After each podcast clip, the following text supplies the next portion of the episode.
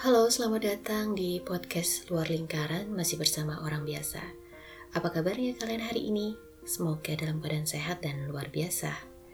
Dan kita akan mendengarkan kisah-kisah yang luar biasa lagi ya hari ini masih dalam sesi melangkah berdamai dengan kegagalan.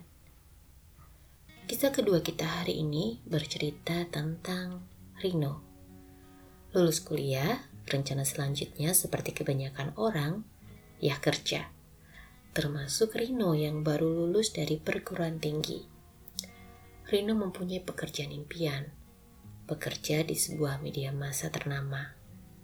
Bersama temannya yang juga baru lulus kuliah, Rino melamar di tempat tersebut dan tidak diterima. Rino tetap memutuskan untuk bekerja sebagai jurnalis di media massa yang berbeda dengan gaji yang pas-pasan. Sedangkan temannya memilih bekerja di tempat yang menurutnya bisa memberikan penghasilan yang luar biasa. Melihat pilihan Rino untuk tetap bekerja sebagai jurnalis, temannya bertanya, "Kenapa sih kamu harus bekerja di tempat seperti itu? Kamu tuh bisa loh kerja di tempat lain yang penghasilannya jauh lebih gede daripada tempat kerjamu sekarang. Rino hanya tersenyum mendengar pertanyaan temannya itu. Pekerjaan saat ini dipilih Rino bukan karena gaji, tapi Rino sengaja memilih pekerjaan sebagai jurnalis walaupun dengan gaji yang pas-pasan karena dia ingin mengasah kemampuannya dan juga mencari pembelajaran dalam dunia jurnalistik. Tiga tahun kemudian, Rino sudah menduduki posisi yang lebih baik.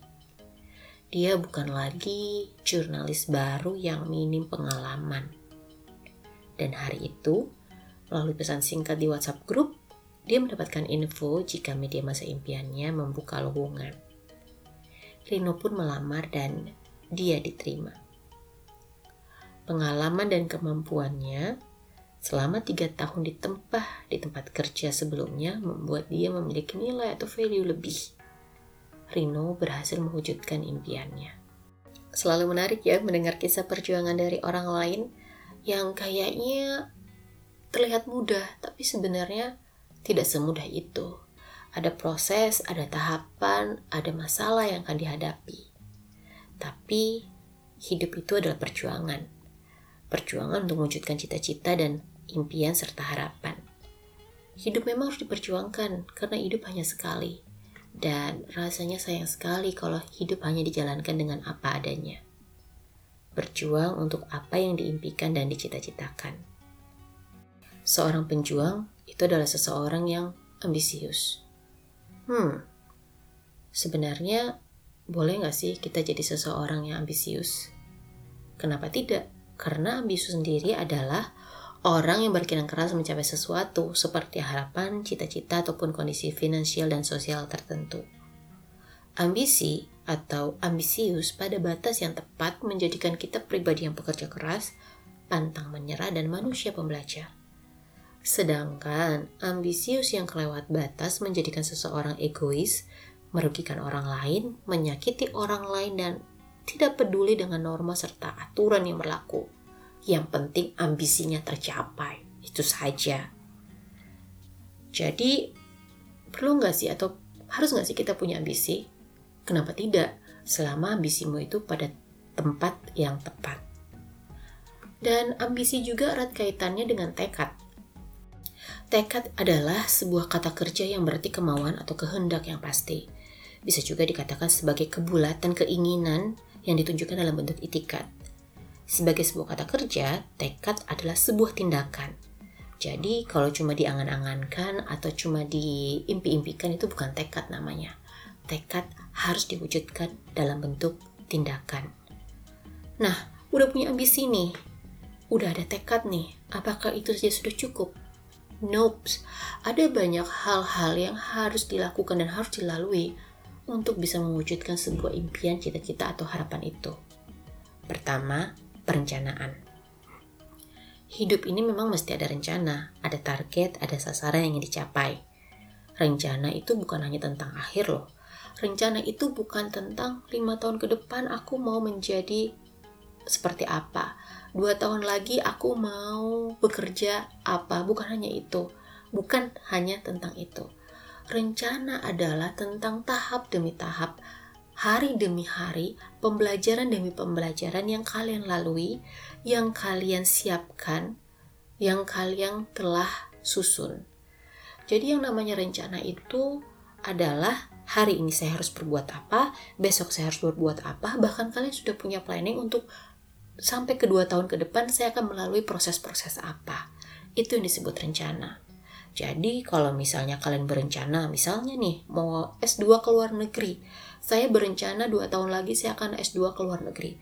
Tapi yang kalian lakukan adalah selama dua tahun itu bermalas-malasan, asik dengan sosmed, ngomentarin hidup orang. Apakah mungkin rencana dua tahun ke depan itu akan terwujud?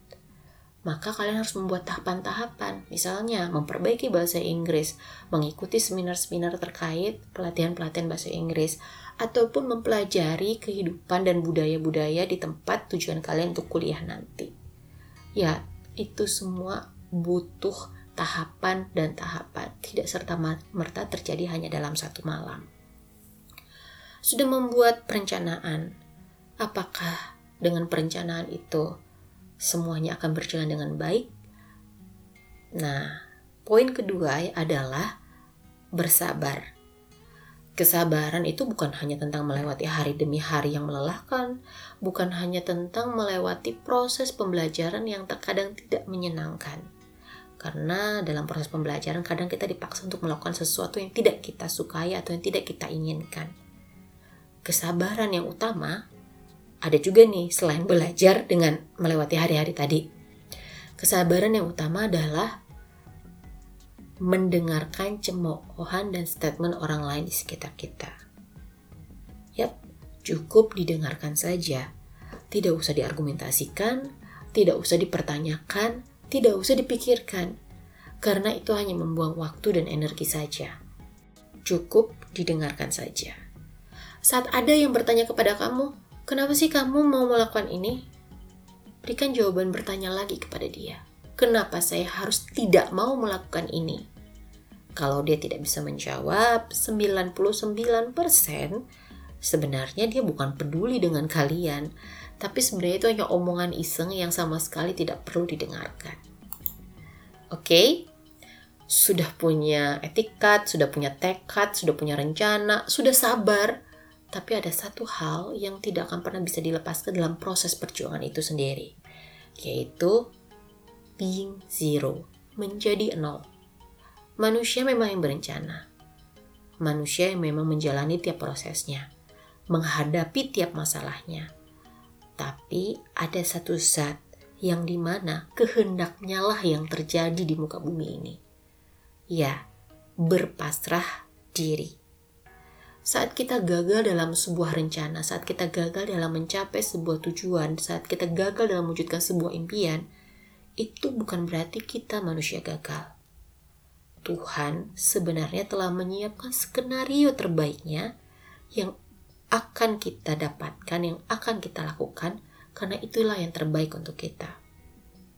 Tuhan sedang atau telah menciptakan keberhasilan yang lainnya yang terkadang kamu tidak bisa lihat saat kamu berada di dalam lingkaran. Ambil nafas sejenak, tenangkan diri, cobalah melihat dari luar lingkaran. Perhatikan apa yang ada dalam lingkaran. Jadilah objektif dan temukan rencana Tuhan yang sebenarnya telah disiapkan untuk kalian. Tidak ada yang sia-sia dengan menjadi seorang pejuang. Menjadi pejuang artinya seseorang menjadi manusia pembelajar yang bertumbuh dan berkembang, baik dalam karakter maupun dalam kemampuan. Oke. Okay. Menarik ya kisah hari ini kita bicara tentang ambisi, kita bicara tentang tekad, kita bicara tentang rencana, kemudian sabar dan juga memasrahkan diri. Bagaimana dengan kalian? tiba-tiba teringat dengan ambisi kalian lima tahun atau dua tahun atau beberapa bulan yang lalu, kalau gitu kuatkan tekad, susunlah rencana, sabarkan diri dan pasrahkan diri. Tuhan pasti akan memberikan yang terbaik untuk makhluknya. Oke, selamat menyusun rencana-rencanamu, selamat mengeksekusinya, semua butuh proses dan waktu. Sampai bertemu di kisah selanjutnya. Selamat berjuang dan always be nice.